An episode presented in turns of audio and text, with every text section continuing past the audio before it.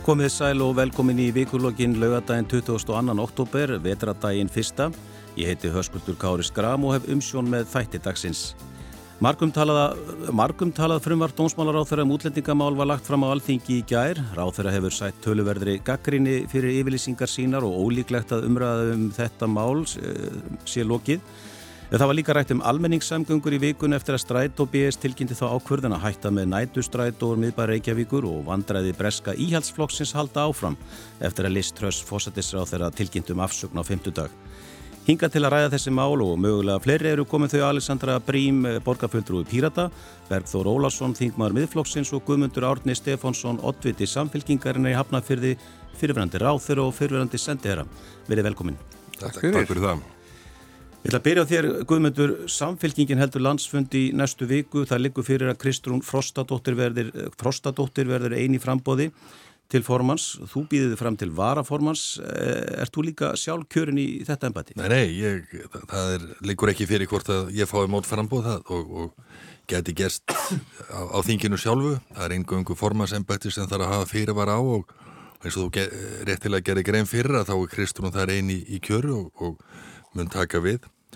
Hvort að ég fáði mót frambóðið ekki, það verður bara koma dægin en, en ákvörðun mín liggur í því að Kristrún öflugur kjörgur, kjörgaður stjórnmálamæður er auðvitað unga árum, ég, ég hins vegar á hinum enda þess skala og, og, og verið lengi í, í politíkinu og, og taldi það gæti bú, orðið gott heimi úr, úr, úr hennu ungu vösku Kristrún og kannski aðeins meira hagfara mér og og, og vil bara einfallega leggja mitt að mörgum, það er ekkert annað. Ég fór í politíkin aftur eftir 16 ára hlýja núna ég vor í, í bæjasturna politíkin og það gekk vel. Og, og ef ég get lagt floknum mínum og jarnaðum minu liða þá ætla ég að gera það. Þú varst á þingi og, og hættir held ég 2005 eða mann rétt. Ég leitar hugurinn þangað. Nei, ekki augnablikinu, svo sem maður veit ég segi nú alltaf, maður skal aldrei segja aldrei í politík en, en þessi ríkisjór sitjandi á þrjú ára eftir ef að ef að fer fram sem horfir hins var er hún þannig samansett að hún getur korkið dáinnið lega lifað einhvern veginn og, og það kemur mér ekkit á óvart og það sé ekkit fyrir sjánlegt í því að, að það verðist nefnbæra kostningar hvað ég gerir þá, það verður að koma á daginn. En ert ekki ennþá formaður alltíðflokksins? Jú, alltíðflokkurinn er til. Hann er náttúrulega fyrst og síðast sagnfræði og, og hefur einhver pólitísku hlutverki að gegna. Síðasta sem að flokkurinn gerði var að stöðlað úrgafu eigin sögu sem var 2016 á, á 100 ára amæli flokksins. Þannig að það trubla mig ekki til eða frá. Ég, ég, Þú máttur að formaður í einum uh, stjórnarflokki og, og varaformaður í öðrum. Nei, alltíðflokkurinn lagði sig inn í, í, í samfélkinguna 1999 og síðan formlega þegar hún var stofnið 2000 og hefur verið virkur þar innan búðar. Gamleir kratar og, og þar var kvænalistinn og þar var alltíðu bandalægið og og þjóðvæki. Þannig alltíðflokkurinn eins og ég segi, bara söguleg symbol, hann var aldrei lægður niður og, og, en, en er þarna og, og mörgum þykir vantum hann og ég held að hann sé ekki fyrir neinum en það, hann var fyrir mörgum hér þegar hann var virkur og aðalega íhalsöflónum en En, en bókin 700 blaðsjur, það þurfa allir að lesa hana, hún var gefin úr 2016, sagi allþjóðflóksins. Svona bara eitt, eitt að lókum áður en við snúum okkur öðru hérna, hvernig er að koma aftur inn í pólitík eftir svona langt hlýja? Það er svakalega gaman, ég, ég var dálítið hugsi og þetta var ekkit á langtíma plöni hjá mér, ég var í auðverkisjónustunni í, í, í öllum heimsálfum í, í 16 ár, mikill og góðu skóli. En maður er náttúrulega eins og fiskur í, í vatni einfallega, þegar maður lærir að hjóla einu svona þá kann maður alltaf og og ég fann það að vinna með ungu fólki, vösku fólki og, og, og vera í þessum já, átökum og umbótum að, að ég, og, og í samskiptum með fólk, það er einlega það sem ég finnst skemmtilegast við pólitíkina og þess vegna er, er ég glæður ánaður og full og brenna af eldmóði. Þannig að, að og auðvitað á ekki að afskrifa fólk. Ég er 66 ára, ég menna fólk er ekki komað að grafarbakka þó að ég komað að hennan aldur og kannski er ég að hugsa líkum eldri borgar og það er fullt af vösku fólki allstaðar. Það er ekki bara unga fólki sem við þurfum meira af, heldur líka má reynsla og þekking auðvitað fljóta með og á að gera það. Já, já snúum okkur að þessu stóra máli, útlendingamálinu sem að hefur verið mikið rætt um ekki bara í þeirri viku sem er að líða heldur líka vikunum, vikunum þar á undan. Jón Gunnarsson, dónsmálar á þeirra, hann læði fram um þetta markumtalaða frumarp í gær. Uh, þetta er í fymtasinn, eiginmann, sem þetta er reynd. Uh, Berður, þú hefur svona verið að gaggrína stefnu stjórnvalda í þessu máli og ert einn af þeim sem telur að það sé ekki nægilega já, ekki nægilega varnir ef svo morði komast, það sé ekki verið við séum með opið kerfi eins og staðan er í dag, kannski betur orðað þannig. Eh, hvernig leggst þetta frumarpið þig? Kanski fyrst að segja, sko, ef við eigum að taka við og gera það með góðum hætti og, og, og stuðlað góðuri og öfluri aðlugun þeirra sem við ráðum við að taka á móti. En ef við færumst á mikið í fang, þá endur við á að gera verre en við viljum við alla. Það er nú kannski svona útgangspunkturinn í því sem ég hef verið að segja. En þetta frumvarp dómsmálaráðara sem nú er komið fram, þetta er svona svipaðs eðlis og, og kom fram í fyrra, svona tiltúrlega litla breytingar á því. En ég er nú þeirra skoðunar frumvarpið hafi verið betra þegar Sigriður Andersen laði það fram fyrsta sinn fyrir núna fjórum árum síðan en mér telst rétt til. E, það er svona daldi sérstakt þetta atriði sem að uh, flöut upp í umræðinu núna í vikunni að málið hafi stoppað í þingflokki í sjálfstæðisflokksins e, og verið síðan afgreitt þaðan út á miðgudaginn þegar það likur fyrir að málið var afgreitt svo til samtstundis út úr þingflokkum framsunarflokks og vinstri græna sem að e, svona ítir að manni þeirri hum, svona, tilfinningu að þingflokka vinstri grænar og framsóknar hafi hugsað, heyrðu, það er ekkit í þessu við skulum samþykja þetta bara svona svo að sko dónsmálaráð þeirra fari ekki að reyna að koma málinu uh, í gegn þannig að, þannig að svona, uh, svona þinn upphæflegu markmið náist og síðan uh, er þetta klárat úr þinglokki sjálfstæðiflóksis á miðugudaginn án þess að þurfa að fara aftur í þinglokka framsloknar og vinstri grefna sem þýðir að það voru engar breytingar gerðar. En þetta settu ykkur að fyrirvara? Já það að sko þinglokku seti fyrirvara verið mál eigin ráð þegar það er bara einhvern leikrit ég hef nú hérna, held að það blasir nálu við. En ég held að máli sé samt eh, sko það er til bóta En, en, en það er uh, svona, ég held að við þurfum að ganga þá vegferð til enda að uh, taka út þessi svona sér íslensku ákvæði sem að eru að orsaka og svona íta undir þessa segla sem er að orsaka það að umsóknir hér til Íslands eru markfaldar á við það sem að gerist í nágrannlöndum okkar. Sjáum til dæmis áður en að stríði bríst út í Úgrænu. Það voru umsagnir hér á Ísland, umsóknir um alþjóðlega vend hér á Íslandi áttasinnum fleiri hlutvarslega heldur til dæmis í Nóri og Danmörku. Þrísvaraði fjórusunum fleiri enn í Finnlanda í mannrétt, tvöfalt fleiri enn í Svíþjóð, 100% fleiri enn í Svíþjóð. Og, og, og, og þar er nú tilfinning manna almennt að dyrnar síðan nú svona tiltölulega opnar. Við erum að horfa á sko, ástandið í Þískalandi 2015-16 uh, þar sem að Ríkistjórn Angela Merkel helt uh, svona við hafði þessa open door policy. Við erum að halla í það að vera með sko tvöfald flæði inn til landsins árið 2022 hlutvarslega við það sem gerist í Þískalandi þá. Þannig að við þurfum einhvern veginn að ná að taka utanum þessa umræðu og, og, og ég held að til, við verðum að komast á þann stað að við förum að ræða þetta út frá staðrendum og svona tölulugum gögnum og þannig komist við á þann stað að geta nýtt fjármununa sem best, gert vel við þá sem í mestri neyð eru og, og hérna, þá verðum við ekki afframt að skoða býtu hvernig nýtast krónuna sem við leggjum til málana uh, á nærsvæðum fólksins samanbúru við hérna heima. Alessandra, ert þú búin að kynna þér þetta frumvarp?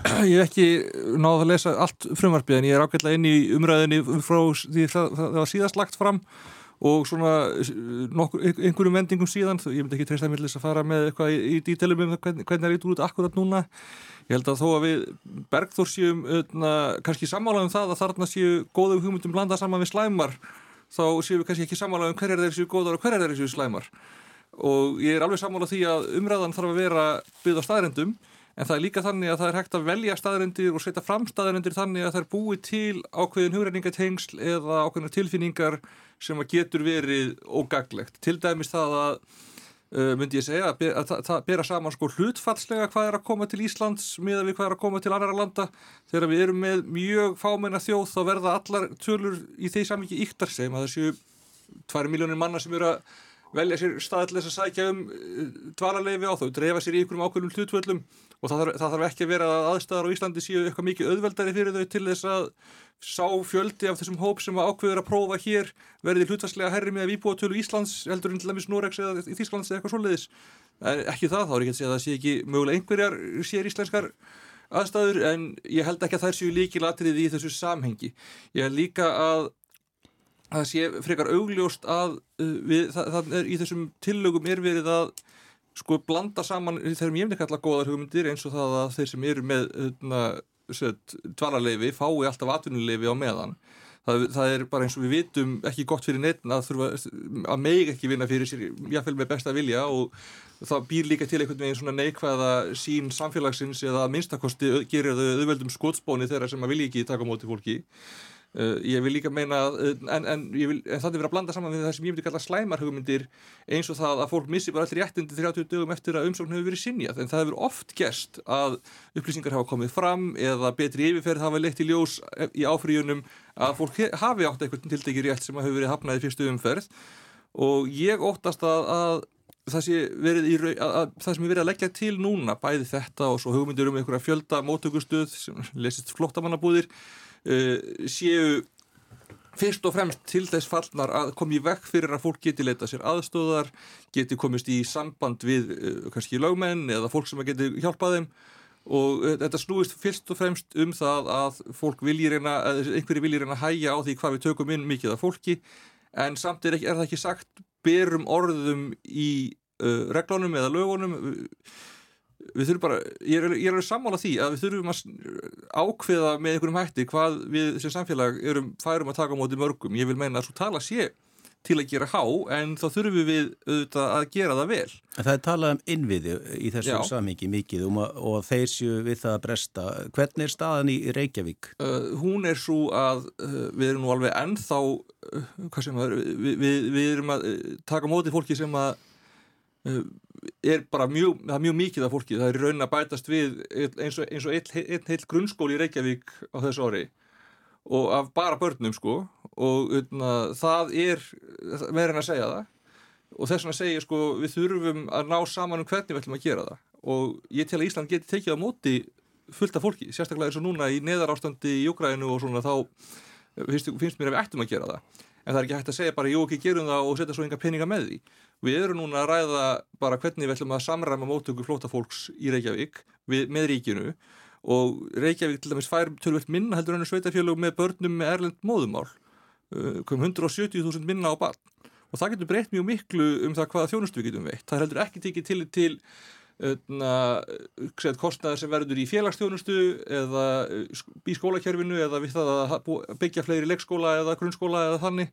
Þannig að það þarf svolítið að skoða þetta því að við erum að tala um tölur sem eru á þeim skala að við þurfum að hugsa um bara e, er bara beinlýnis innviði borgarinnar þurfa svolítið að stekka með.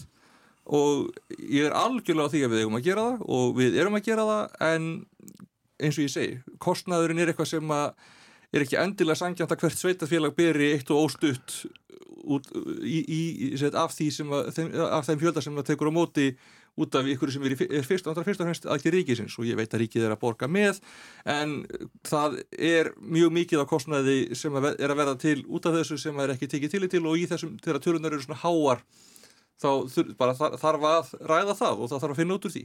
Uh, Guðmundur, bæjastjórn Hafnafjörðar sendi frá sér álittun ef ég mann rétt svona í lok sumars um það að bærin þyldi ekki fleiri, uh, uh, já frekar í fjölgun fólk, flóta fólks Hver er staðin hjá ykkur núna? Getið þið tekið á móti já, fleiri?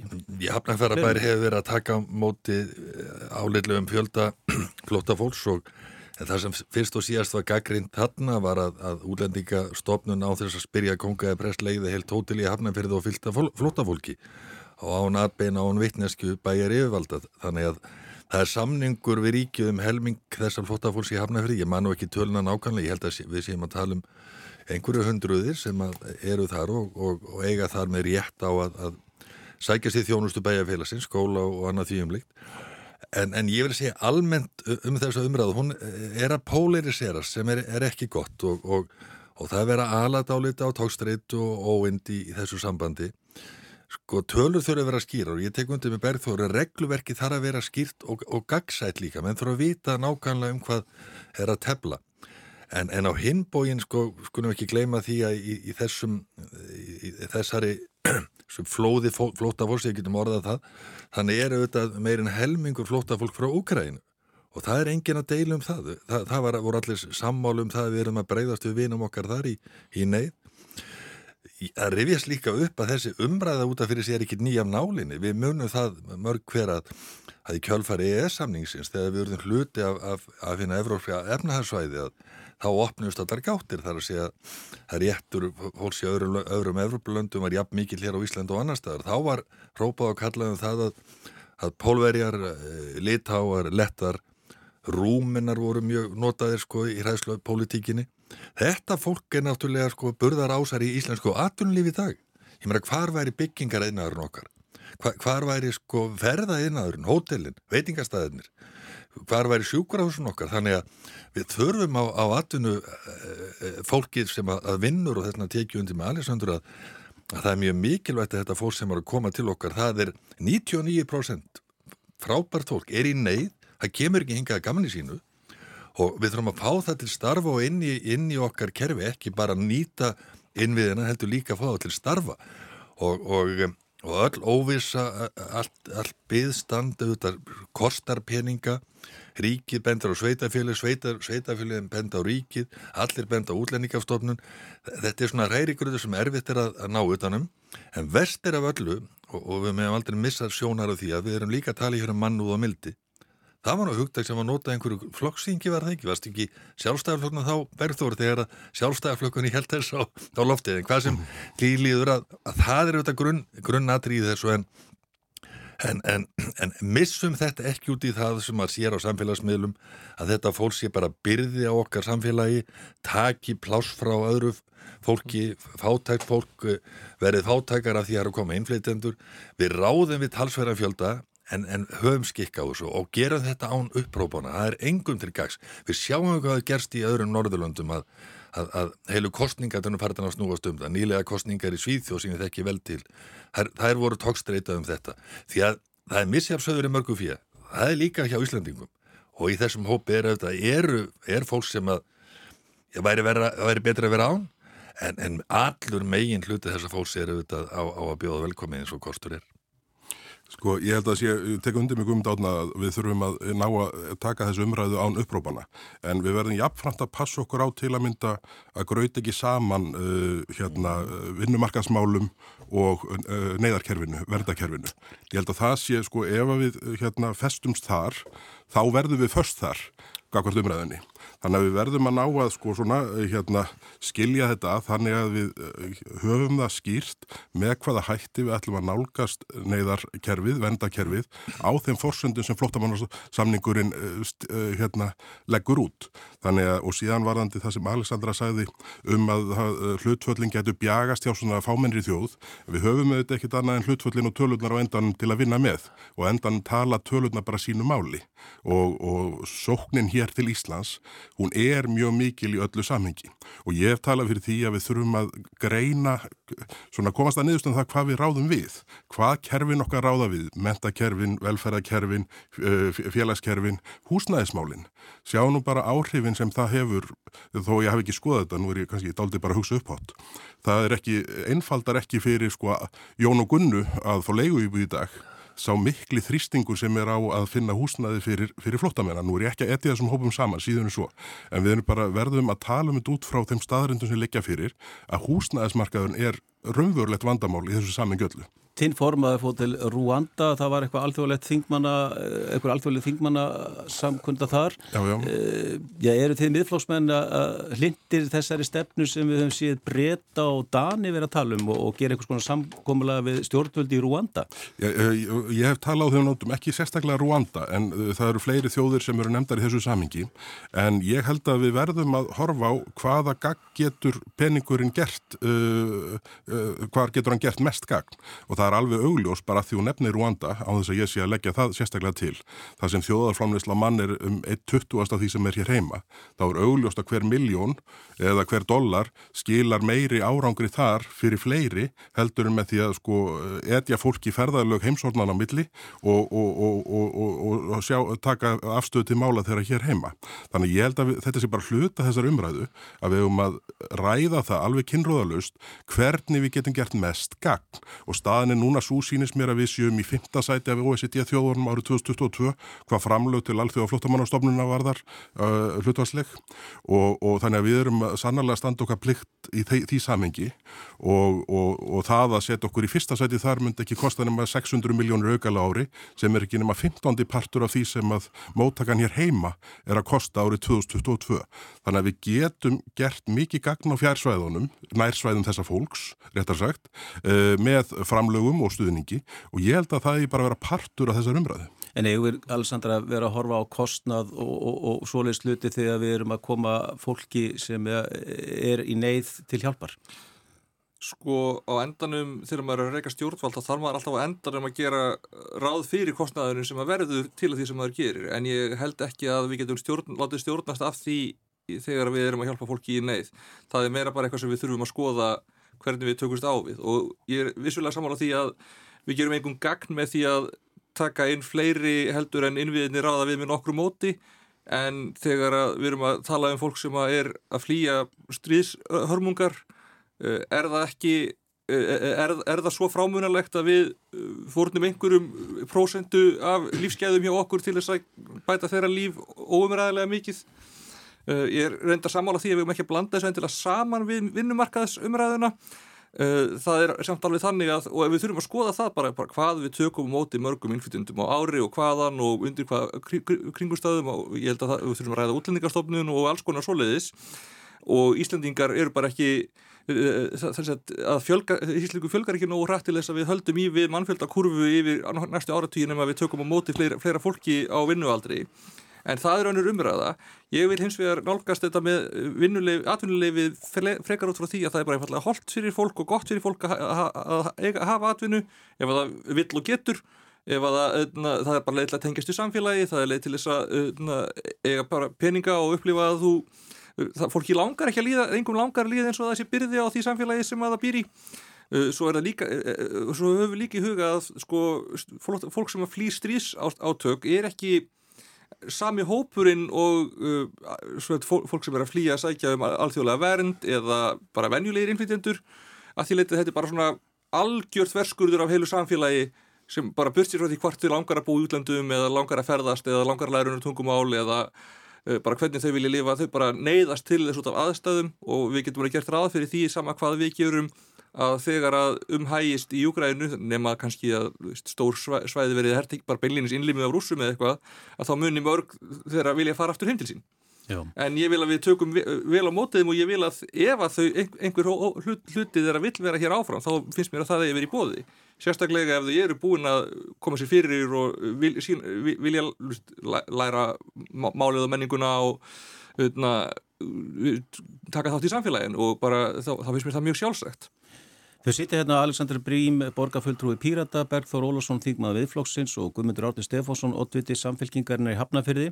Já, það var heilmikið rætt um almenningssamgöngur í vikunni, stræt og tilgjind um þá ákverðin að hætta bjóð upp á nætur, stræt og um helgar.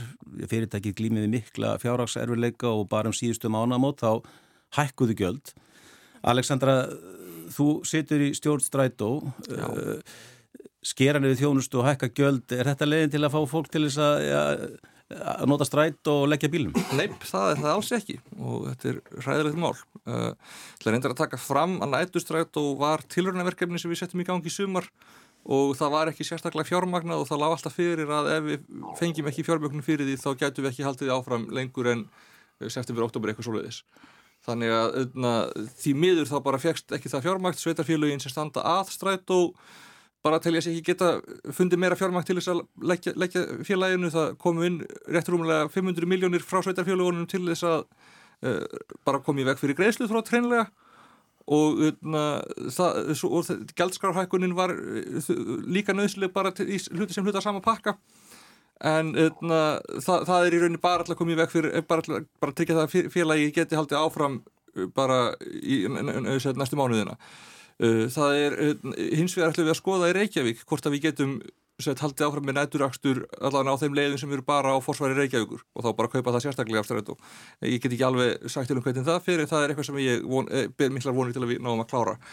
Uh, það er náttúrulega þannig að það er ekkit þannig séð að hvernig strætó er reykið það er bara, eða, eða þannig. Það er fyrst og fremst að það voru 1,7 miljardur í tekjutab í gennum COVID-tíman Eh, stuðningur frá ríkinu var um 120 miljónir þegar að Strætó hafi gert ráð fyrir eftir eh, það sem að það taldi vera skilabóð frá ríkistjórn eh, um að það, það er komið meira til móts við þann raunverulega halla sem yrði af COVID. Það er ekki alveg ljóst að því ráð þegar að vera stekkur kannast við þetta meintar ílefni. Það er rétt og eins og ég segi það getur verið að orðengilsáttur öðru hvora megin við þetta. Ég veit bara það sem að mér var sagt er að stræt og gerði ráð fyrir að öðna, það er bætt meira út frá því sem að ráð þeirra höfðu sagt, sagt þegar COVID var að byrja. Já.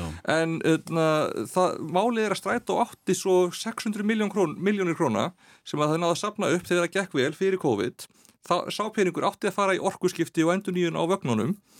En það, meðal annars bara það að eiga það, það, þann pening gerir það verkum að ríkistjórnin þegar það er að skoða COVID-styrki segir, þeir eru með svo rosalega sterka eiginfjárstöðu, við getum ekki verið að styrka þetta á mikið og notiði bara þennan pening og þá uh, fer sá peningur í rauninni bara í það að halda floti í gegnum COVID. Þá er ekki hægt að fara í orkusskipti eða endur nýjun á vögnunum, nú er þið raunin enn eldri, enn lélegri og ganga en þá á bensin og díselmestmengnis eða díselmestmengnis og öðna, það, sem gerir það verkum að þeirra stríðið í Júgrænu fyrir gang og olíverð fyrir hægstu hæðir, þá hækkar ekstra kostaðu þetta mjög mikið og það er engin stuðpúði eftir innan fyrirtæki sem styrir að takast á við það þannig að þetta er bara í rauninni versta mögulega sambland af aðstæðum Guðmyndur, hérna, almenningssamgöngur, við erum að reyka þetta eins og hvert annað fyrirtæki líku við. Er þetta ekki partur af grunnþjónustu og eigum við verið að horfa á eh, já, að það þurfa að skila afgangi e, þetta fyrirtæki? Er þetta ekki fyrst og fremst bara þjónusta við almenning? Ja, það er ekki markmiði sjálfur sér að skila einhverjum hagnað en, en það þarf að, að vera það sánt fjárvarslega það geti haldið út í þjónustun og, og endur nýja sín flota og annað þjónlið. Það er talað hér um nætustrætu, ég vil bara nefna það sérstaklega mér skilst að lingurinn Reykjavík Hafnafjörður og Hafnafjörður Reykjavík hann standi undir sér og, og, og ég vona á vendi þess að við munum frista þess aðfriðingar að, að halda þeim þeirri línu opina mestukosti það er óskandi já, já, en það er svo kemur fram hjá Alessandru hér að, að, að það varði auðvitað COVID og það varði auðvitað brestur ekki síst í almenningssamgöngu. Guðminn Almátur að það kom engir peningar inn en, en það auðvitað haldi út tiltekinu þjónustu. Menn hafa verið með einhverja patentlausnir á þessu og sagt ég að við skulum bjóð út meira. Mér skilst að að 60% af reksturinn sé útvist að nú þegar og, og helgast meðalans að því að, að stræt og sjálf hefur ekki peninga til þess að endur nýja flótansinn maður bindur auðvitað vonið verið það að, að, að við borgar línu þegar að hún lóksins kemst í gagni að þá renn upp nýjar og, og góðu tímar. En, en, en þetta er auðvitað einn, einn grunn þjónusta samfélagsins. Ég var nú í strætu síðast í gæðir, ég er nú ekki, ekki að skröka því upp að mig að ég sé þar daglega en það var dálitil upplifun og gaman að fylgjast með því. Þar síndist mér í fljótu bræð, var þjart setið vagnin að, að, að þar var, voru flótamenn dálitið, Ma, maður sá það á húliðnum, þar voru eldri borgar eins og ég og, og, og með skrakkar, ég talaði þar við bara alltaf sem tengingu það sem við rættum á talaði þar við tvo krakka svona 10-11 ára sem komu, voru frá Sýrlandi. Og voru þarna að tala þessa glimrandi íslensku og, og hérna og unduhag sínu vel Þannig að það gerir smart í strætu. Já, eh, Bergþór, já, þið viðflokksmenn hafi nú ekkert verið sérstaklega hrifnir af þessum hugmyndum um borgarlínu. Það er nú varlega orðað hjá þér. Ég nefnilega held að þetta mál sem núna blasir við þessi nætustræt og uh, ég held að vandamáli sé miklu stærra og alvarlegra heldur en það að þetta kostningalóður framsunaflokksins frá því síðustu kostningum uh, fjari út. Við erum að horfa til þess að uh, nú er, uh, eitt er rekstur strætu eins og hann er núna og svona það er svo gaggarinni sem kemur reglulega fram á breytingar og leðakerfi, skort og þjónust og þetta allt saman, við þekkjum það. Og ég sko uh, stjórn strætu og alla mína samúð í þessum efnum, þetta er sannarlega ekki einfalt verkefni. En síðan ætlum við að bæta ofan að þetta öðru lægi sem að er kallað borgarlína sem er með fjárfestingakostnað sem er alveg gríðalegur en síðan á eftir að bætast ofan á rekstrakostnaðurinn af því verkefni öllu. Og miða við vandræðin við rekstur strætó þá veit ég ekki hvernig sveitafélagin ætla að fara að bæta við því að það er engin að tala um að strætó sér ekki með hagnaði því að stór hluti að tekjum strætó eru auðvitað framlög sveitafélagana þannig að það er svona mjög tegjanlegt hvenna menn fara að tala um hvernig er hagnaður og ekki hagnaður að rekstrinum. En sko byggðarsamlæði hvort að verður sama byggðarsamlæði eða, eða nýtt sem snýrað rekstri borgarlínunar þá held ég að þetta verði sveitafélagunum ofviða. Og hérna og það var nú bara þannig í sko framhaldsnemndar ári liti fjárlæganemndar þegar lögum OHF-ið eh, sem sagt voru sett það var sérstaklega tilgrind að ríkisjóður kæmi ekki að rekstri borgarlínunar þannig að, þannig að ég held að við séum að sigla eða svona stefn út í einhvert fen sem við eh, mun í fyrsta legi eh, orsaka alveg óðbóslega framkvæmda kostnað á sama tíma og það mun þrengjað allir umferð fjölskyldubílsins á höfuborgarsvæðinu og og síðan, guðminn góður, þegar ekstra kostnæðinu tekur við, þá held ég að þessi, þessi kostnæð sem snýra nætur akstri strætó verði bara einhvern sko grín við liðin á vandamálunum sem blasir við fólki þá. En hvað, akkur, akkur hækkar ekstra kostnæð og svona gríðarlega með tilkominn borgarlínu? Borgarlínu er bara auka afrein eða aðrein fyrir strætt og, og, og letur hannu leið og stýttir vegalengt og, og ekkur aukning líka já, já, það líkur nú bara fyrir frá sko, betri hérna, samgöngum og HF að, að rekstarkostnaður mun aukast heildar rekstarkostnaður kervisins mun aukast. Þannig að það, það, er, það er tölur lík þó að það sé ekki ég er ekki tölur um fjárfestingu. Nei, nei, þó, þó, þó, þó að rekstarar áallin lík ekki fyrir samkvæmt um upplýsingum sem ég hef mm. þá líkur fyrir að kostnaður mun aukast. Þannig að ég er, punkturinn minni sá þessi kostnaður sem fælst í nætustrætt og sem nú er að blása af, hann hann er bara hjómeitt við hliðin á sem, því sem býður sveitafélagana ef að borgarlína kennst einhvern tíman á koppin. Það er reyndar, bara svo ég segi það, alveg rétt hjá þér, Parkur, að hérna, kostnæður við nætustrætt og er í þessu samingi algjörðu smáðurar. En þegar að félagið á bara ekki pening, þá skiptir ekki mál, það, það, það væri það leikur við að ég segja að það sé alveg jafn ómögulegt að halda áfram með nættuströð og eins og kaupa auka kaffivél sko. ja, það, það er bara, bara svo ég segja það. Þetta þekkju við sem höfum verið í rekstri, ég hef skilning á þessu. En na, hérna, svo ég segja það þá uh, vissulega held ég að ekstra kostnæður muni aukast uh, með tilkominn borgarlínu. En það eikst ekki næstu því að mikið eins og samfélagslega ábætin af því. Og það er bara búið að kanna það að það að vera með aflöðar almenningssamgöngur í sér rými tíðum með tíðum ferðum er eina leiðin til þess að bregðast við fólksfylgun á höfbrukarsvæðinu ég ekki, ég er ekki búinn. Eh, fólksfylgun á höfbrukarsvæðinu sem mun verða á næstu árum og áratugum og bara því að hérna, ef, ef vegakerfið ræður ekki við fleiri eh, bíla nema, nema eitthvað verið aðgert. Og það er bara búið að sína sig að ef við ætlum að fara í að díla við bregðast við fólksfjölguninni með því að breyka vegi, fjölga vegum, bæta við mislagum gatnamótum og allt svoleiðis og fara ekki neina aðra aðgerðir þá myndi svo aðgerð vera cirka þrefald dýrari heldur en borgarlínan og myndi skila minni árangri. Þess að myndi verða meiri umferðaraukning á þessum næstu áratugum heldur en ef við förum í borgarlínuverkefnið. Og það er alveg, það er alveg rétt að það er ekstra kostnaður og það er alveg rétt að við, það, það, við, við ættum ekki að fara í borgarlínuna ef við ættum ekki að reka hana almennilega. Því að þetta skilur einhverjum árangri ef við getum ekki manna vagnana og getum ekki hérna, reiki kerfið. Þess, en það er í, við, núna verið að ræða það milli samband sveitarfélag á höfuborgarsvæðinu og ríkisins hvernig borgarlína og strætó verði reyginn til frambúðar. Ég mynd mikla vonið til þess að þar verði komist að skynsalegri niðurstöðu. Þetta er bara það sem við þurfum að gera ef við ætlum að draga úr umferð er, og, og, svo, og það er líka bara mjög mikilvægt þetta er líka raunhæfasta leiðin til þess að minka trafíkina fyrir fólk sem verður áfram á bíl. Það borgarlýra mun gera meira fyrir það að greiða fyrir þeirri umferð heldur en nokkur misla gattamót getur nokkur tíma gert Ég er bara örstutt til að fylgja þess eftir. Ég held að hluti af vandamálinu sé það hvað eh, menn eru svona eh, áhuga menn um þessa svo kulluðu borgarlínu eru fastir í útfæslunni sem nú er lagðið til. Ég held að það væri hægt að ná svipuðum árangri með miklu hafkvæmari, ódýrari útfæslu bara atriði til dæmis það að taka umferðina sam, uh, almenni samganguna út frá miðjuveglinunar yfir á jæðrana það muni spara alveg gríðarlegan kostnað eh, eh, í framkvæmda hlutunum og, og hérna og, og alveg öruglega sko vera á svipuðu róli hvað reksturum var en, en það, það eru svona hlutir sem ég hefur þótt uh, algjör anstað við að ræða og ég veit bara til dæmis hérna, það er hér áhuga mannahókur samgöngur fyrir alla sem hefur ekki einu svona fengið áhyrn hjá, uh, hjá fyrirtækinu betri samgöngur OHF og ég, ég held að sko, ég, ég held að uh, það væri kostur að stíga nokkur skref tilbaka og segja, heyrðu, hvernig bætu því að við í miðfloknum erum sannarlega fylgjandi góðum almenningssamgöngum. En það má bara ekki, þetta er bara eins og með flottamannamálin, við verum að sjá til lands hvernig við ætlum að fjármagna þetta og reka. Og, og hérna, og ég held að við ætlum að taka nokkur skref tilbaka og segja, heyrðu, hvernig náum við að gera þetta vel fyrir sem hóflegastan fjárfestingakostnað og síðan þannig að við sjáum hvernig við ætlum að reka verkefni til framtíðar. Eh, sko ríkið er að óbeinta niðugreiða ramagsbíla sem að hendar ákveðnum tekihópum hér á landi.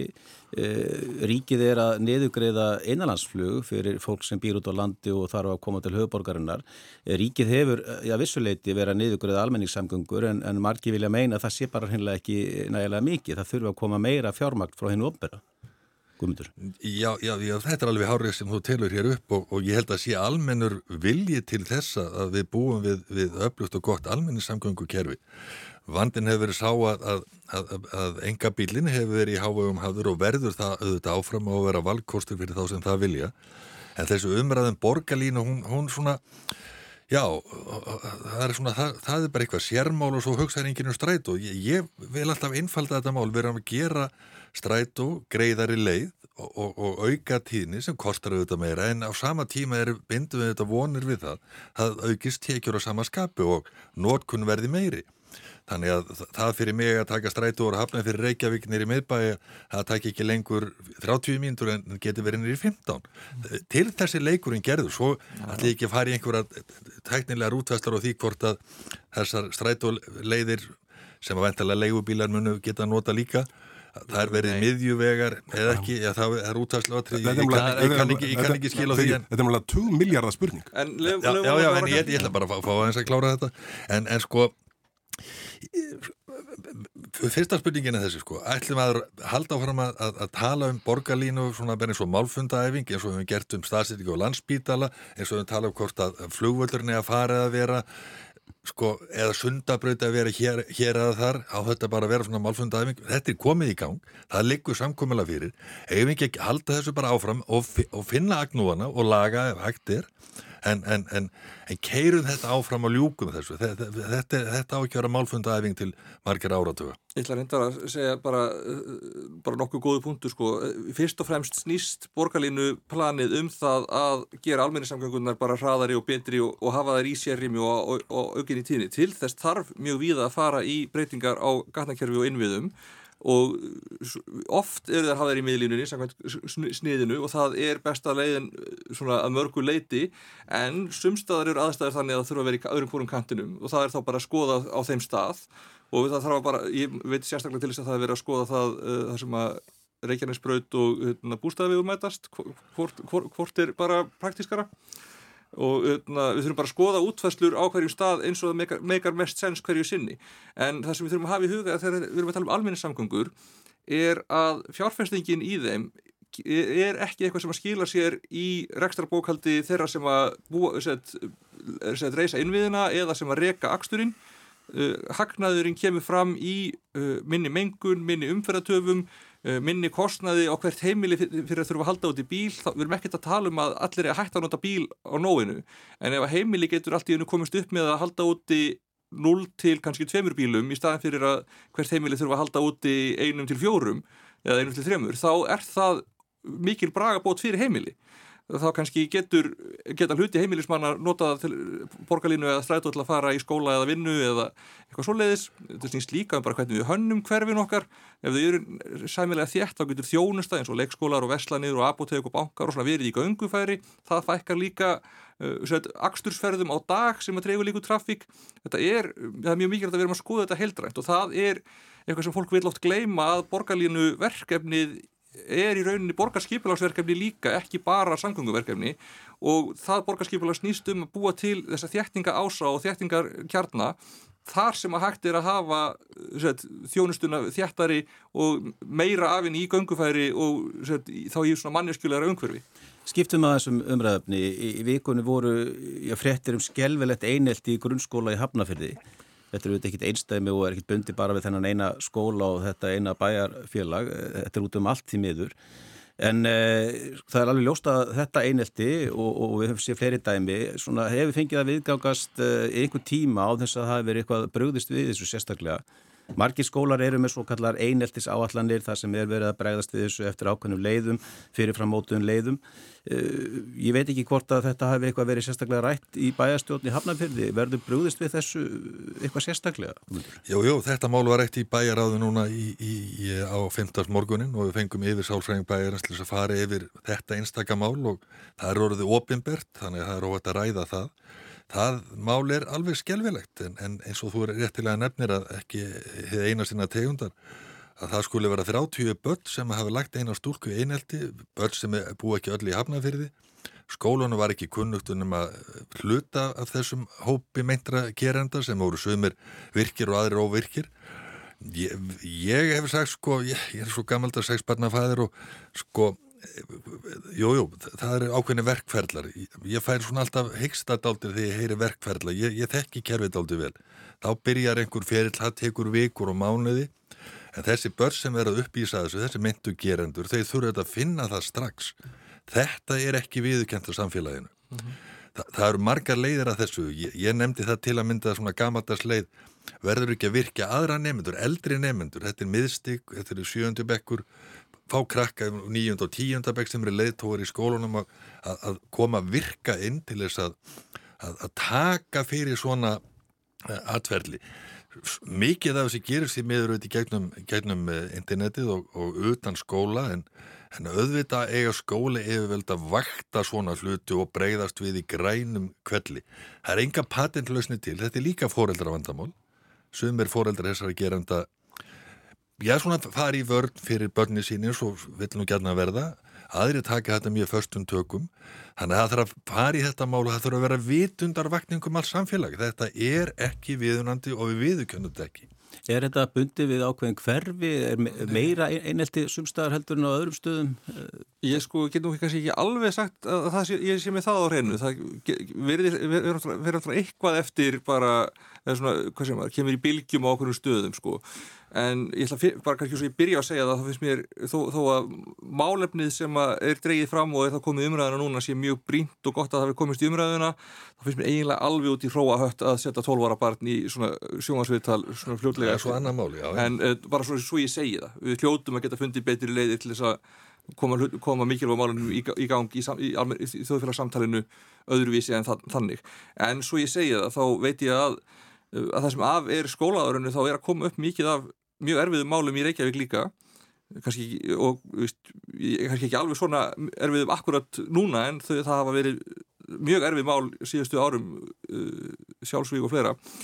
Bara alveg, þetta, þetta er hrikalegt og það virðist vera að bæði er þetta e, e, á fólk, ef kerfin okkar erfitt með að eiga við þeirra hópamyndun og jáfnveil sko einelti fer fram á samfélagsmiðlum eða einhverjum lokuðum hópum, það er hópasafnanir kannski langt út fyrir bekkin eða skólan eða jáfnveil sko sveitafélagið og það virðist vera frekar mikið ráðaleysi hvernig þetta takast á við það og stundum verður það svona hópsöfnun það verður jáfnveil, það verður gerist eitthvað, eitthvað ofbeldi jáfnveil eða kynferðis áreitni eða jáfnveil kynferðisbrót og þá verður kannski hópasöfnum gagvart einhverjum öðrum og þá komir vinir viðkomandi til varnar og þá fara aðrir á þá og þetta verður kannski þannig að það er að beita mjög grófum aðfyrðum á eitthvað sem að kannski bara ger, gerði ekkert annað heldur en að koma einhverju vini sínum til varnar vitandi ekki mikið við aðstæðir sem við. Þetta við, vitum, við sem erum fullorinn vitum að það er kannski kjánalegt en þegar, þegar börnlendi í þessum aðstæðum þá er alveg skilvægt að þau takki kannski stundum ykkur ákvarðanir sem við hefum ekki tekið. Og það virðist vera að þó að kerfin okkar geti sko í þessum svona akút aðstæðum ofta stílað ákveðlega við sko beinlínis þólanda eitthvað stiltekins brots eða beinlínis geranda. Og það, það getur verið lauruglan, það getur verið barnavenn það getur verið bara utna, velferðarkerfið eða þannig eftir at, atvikum sko. En það virðist vera að það sé enginn sem að tekur, sem að kann að díla við sko hópin sem að var til eða orðræðin sem var í einhverjum hóp gagvart einhverjum öðrum nefnendum og þetta er eitthvað sem við þurfum svolítið að skoða núna því að ég veit að okkar fólk í borginni sem er að takast á við þessi mál sem eru að koma upp er bara í miklu vandrað það bæði svona ekkert alveg skýrt hvar ábyrðin á að takast á við þetta er hvort það er hjá, hjá einhverjum ákveðnum stað í sveitafélaginu, hvort það verður hjá barnavernd, hvort það verður hjá ríkislefili með einhverjum meiri hætti, við vitum það ekki og þetta, það virðist bara vera það sé að vaksa eitthvað þarna stórt mikið þjóðfélagsvandamál sem að við virðumst bara ekki vera almennilega með, búin, búin að taka puttana, við erum ekki með puttana púlsinu með það og hvernig það takast á við það. Bara hálfsetning til viðbótar, við þurfum, getum ekki verið endalusri viðbræða pólitíki þessu, við, við þurfum að stíga fram og, og, og, og leggja línur. Ég, ég rifið það bara upp, Stefán Karl heitin leikari, hann var mikil baráttumar og fórustumar því og fórum allt land og predikaði það að þetta er ekki viður kent í okkar samfélagi að leggja krakka í einhelti. Ef ekki að gera átak og, og, og fara í skólan og gera krökkum grein fyrir því að þetta er ekki samfélagmanna. Sko þetta þrýfst mikið á, á samfélagsmiðlun sem krakkarnir eru að nota, TikTok, svo ég nefni það bara. E, við erum hérna, við, sko, börn með ekki kera bíl á Íslandi. Það eru aldurstakmark á, á bíómyndir sem þykja hræðilega fyrir börn. Akkur eru við ekki bara með aldurstakmarkanir á, á ákveðnum samfélagsmiðlum? Já, ég get sagt það fyrir mig að, að, að það þetta mér ekki fráleitt hugmynd og, og hérna það sem maður hefur heyrst uh, er varða skóla sem hafa takmarka símanótkun til dæmis uh, á, á skólatíma þá hefur ég ekki heyrt annan að það hefur gengið príðilega. En ég er sammálað því sem Guðmundur Átni segi hérna við þurfum að fara að hafa, taka svona daldi frumkvæði þessum málum. Þetta er auðvitað reikaleg staða en hefur auðvitað verið uh, viðgengist áratugum saman. Við þekkjum, þekkjum uh, þær sögur því miður til langstímu og þetta virist bara að vera vestna með, með, með tilkomu samfélagsmiðlana.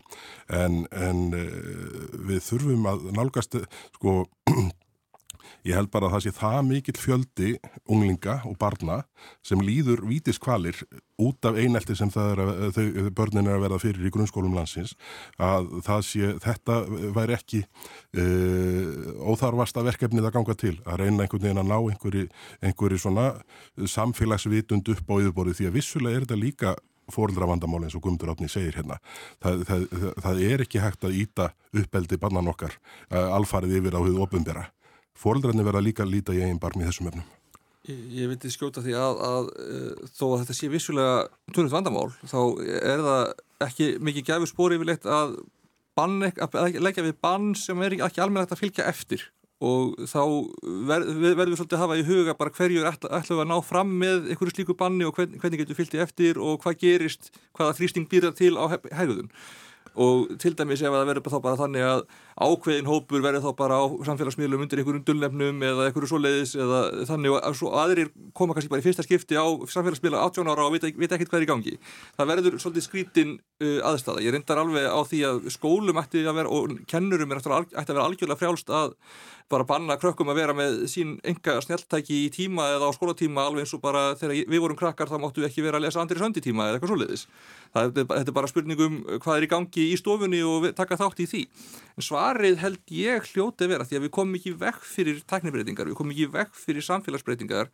Það sem við gerum er að við reynum að milda þær og beina þeim í réttar áttur. Ég held við þurfum að bara taka, kenna krökkum hvernig á að nota snjáltækin betur, hvernig á að nýta samfélagsmiðla, hvaða hegðun er í lægi og hver ekki og auðvitað er það líka eitthvað sem að fjölskyldur og fóreldrar og samfélagi þarf að gera í helsinu. Við getum ekki, það er ekki að útvista ábyrð á uppeldi, eftir þá þessi uppeldi á netinu alfærið til skóla og félagsmyndstöðu og, og svoleiðist, þó að við þurfum auðvitað að taka þátt í því og, og kannski mögulega þurfum við að vera leiðandi í því þá þurfum við bara sem samfélag að ná sáttum hvernig við ætlum að gera þetta. Því að það virðist líka og það, ég held að það sé augljóst að framtíðin í því hvernig nám, nám fer fram mun nota tekninu alltaf meira og meira.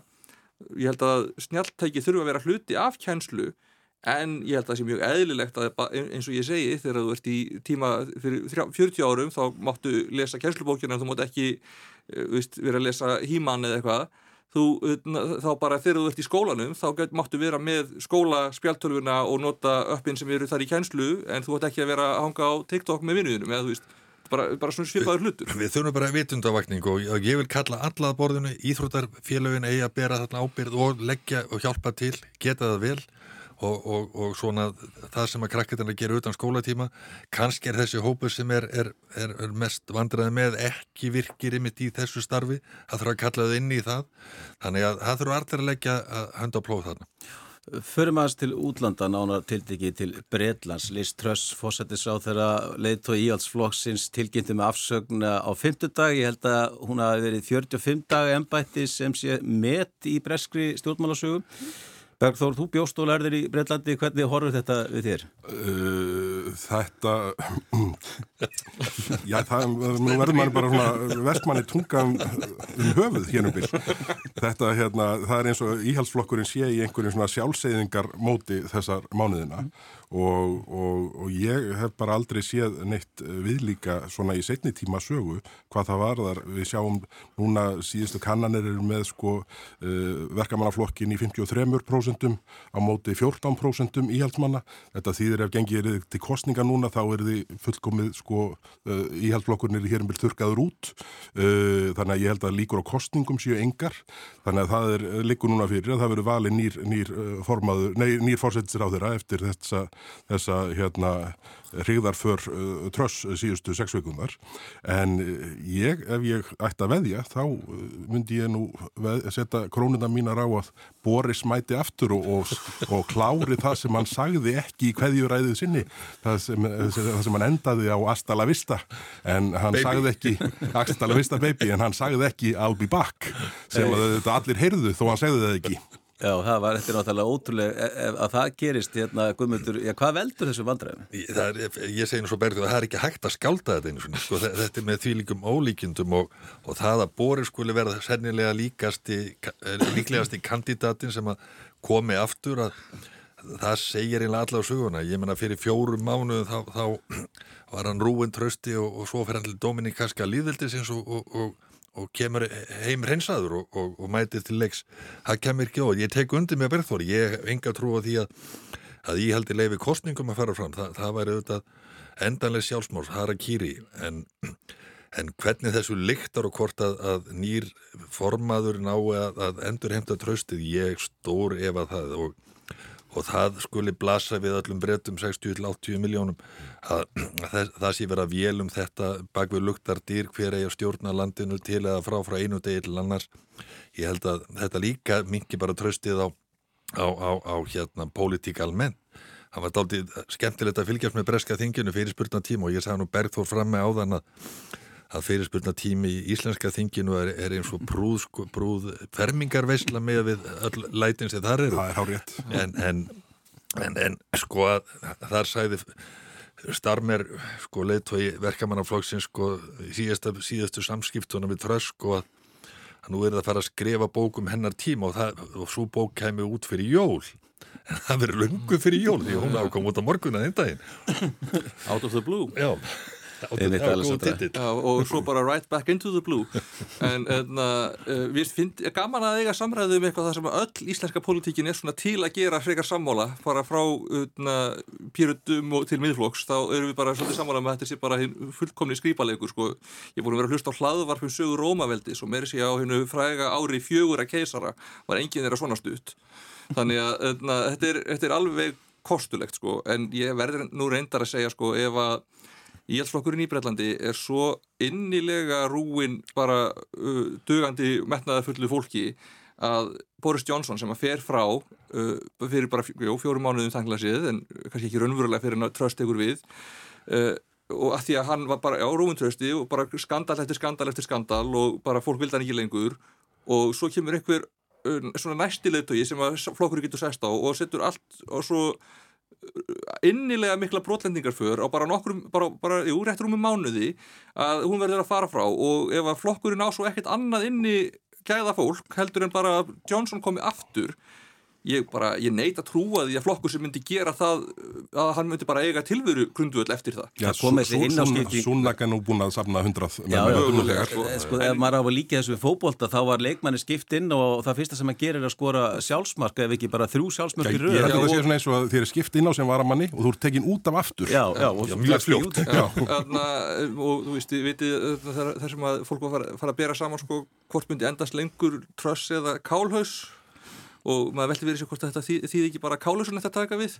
En, en, en, en sko mun þetta bara flýta fyrir einhvers konar já, að Skotland kljúfi sig frá Englandi og þetta leysist allt saman upp þar sem við þekkjum í dag sem Breitland Ég held að auki líkutan á því. Ég var í Edinborg bara fyrir, fyrir viku síðan og talaði það eru fjölmarka skota og Og, og, og styrkur auðvitað aðskilnaða sinna þar er, er vaksand og hann verður auðvitað enn en meira ráðandi eftir þessa þessi vandamáli í Whitehall og, og um, það kemur ekki over þá, þó að það er því niðurstaða mála. En, en, en auðvitað er þetta alvöru mál þó við göndust með þetta. Þetta er okkar, eitt okkar mikilvægasta viðskiptaland. Já. Og, en, en, og þannig að við þurfum stöðuleika þarna til, þess bara geta átt viðskiptu við okkar gamlu vinaþjóð. Já. Þetta er bara skjálfilegt og na, ég, segja, ég held að þetta auki líkunar á að skotar segja sér frá. Og ég held að skotar séu bara ég ætla að lítið á það sem ágjör á luxus að eiga kostaði. Ég held að það þurfi ekki mikið meira að gerast til að englendingar fara íhugað að segja sér frá Brellandi sem að, ok, þetta er grín þetta, þetta er mjög alvarleg staða og Við, ég, ég spáði því þegar þeir voru að velja leðtoga að Tröss myndi vinna en hún er því mjög slæm og það er því gott fyrir þjóðulegli lengdara því að þá myndi næst koma ríkistjórn sem er ekki í alls flokksins en ég átti ekki vona á hún er svona slæm og svona, svona fljóta að fara, fara í ruslið og, og, og ekki grunnaði mig að sennilega eftir arftækin aftur er þið Johnson sko en... en það eina sem er örugt í þessu er að þetta verður allt í lægi á endanum. Þetta mun allt saman leysast. Já, sko, það er nefnilega ekkert mjög langt síðan við Íslandingar upplöðum okkur í þessari stöðu. Og megin raukstuðningurinn fyrir samsetningu ríkistjórnarna sem við höfum núna setið upp með á sjötta ár var einhver pólitísku stöðuleiki að því að við höfum lendið í því að kjósa einu svona tvísvar oftar heldur en sko löggerður